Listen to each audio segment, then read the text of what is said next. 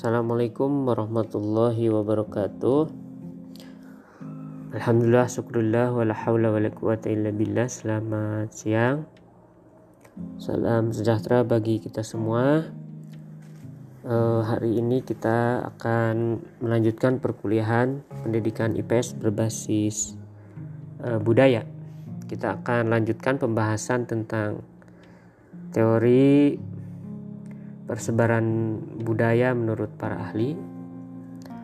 Kita lanjut sekarang ke teori budaya struktural fungsional ya. Fungsionalisme ini adalah penekanan dominan dalam studi antropologi khususnya penelitian etnografis. Struktural fungsional tokohnya itu Talcott Parson. Dalam fungsionalisme ada kaidah yang bersifat e, mendasar bagi suatu antropologi yang berorientasi pada teori yang menitik beratkan pada eksplorasi ciri sistematik budaya. E, adanya keterkaitan antara institusi-institusi atau struktur-struktur masyarakat sehingga bentuk suatu sistem yang utuh. Budaya sebagai e, sehimpun e, memiliki ciri yang berdiri sendiri khas dan tanpa kaitan yang muncul e, di sana sini karena kebetul e, secara kebetulan itu historis. Ini menurut Weber ya.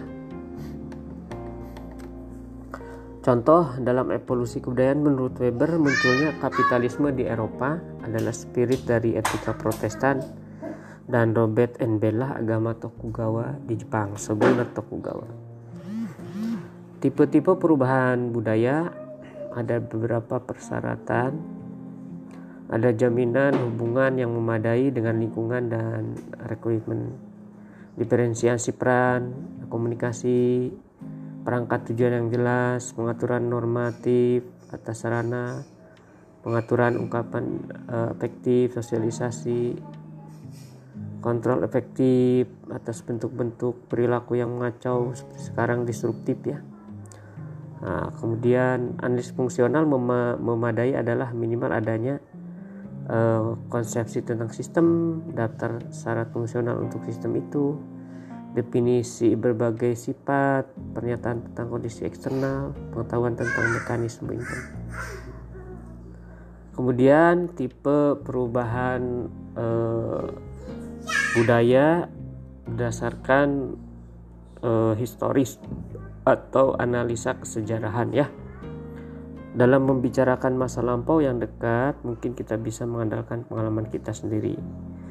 Ditambah laporan serta amatan para informan.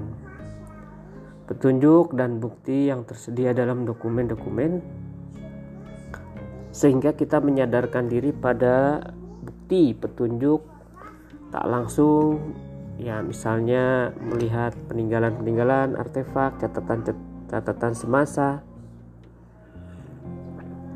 serta bentuk dokumentasi lain, prasasti ya, dokumen. Dalam pengisahan sejarah alam kita harus menggunakan proses klasifikasi, kategorisasi, serta menunjukkan kemungkinan hubungan tipe-tipe kejadian alam.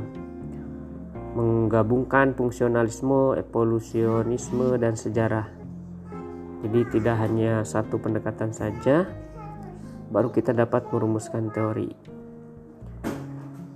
Jika kita meletakkan kejadian histori dalam suatu kerangka fungsional evolusioner,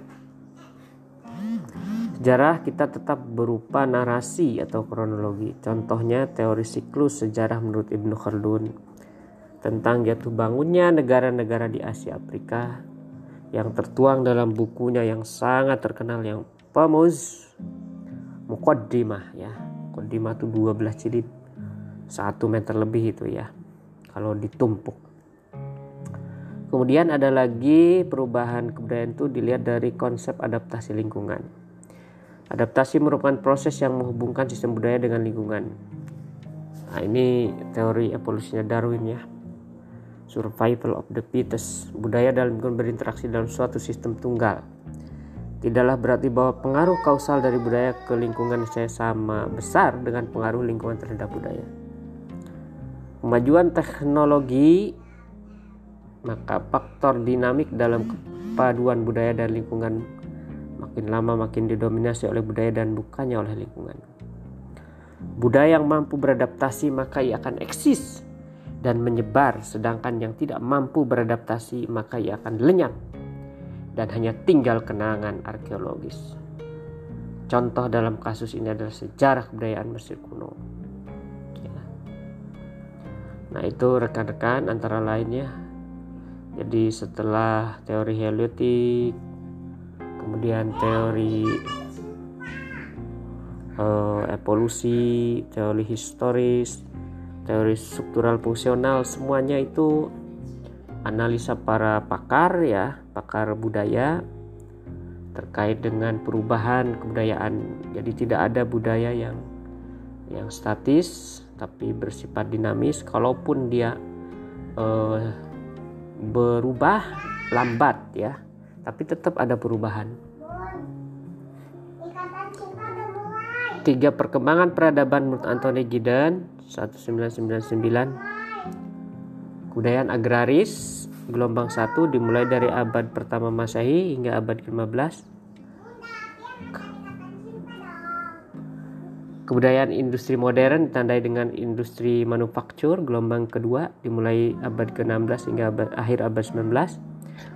Kebudayaan teknologi komunikasi dan informasi berjumlah kebudayaan kebudayaan global postmodern dimulai sejak penggalan akhir tahun 1990. Dan sekarang revolusi industri 4.0 dengan adanya artificial intelligence berbasis Internet of Things ya, digitalisasi, literasi digital, literasi teknologi, literasi manusia, Bahkan di Jepang itu sudah memasuki revolusi industri 5.0 atau Human uh, Society uh, apa namanya teknologi society ya.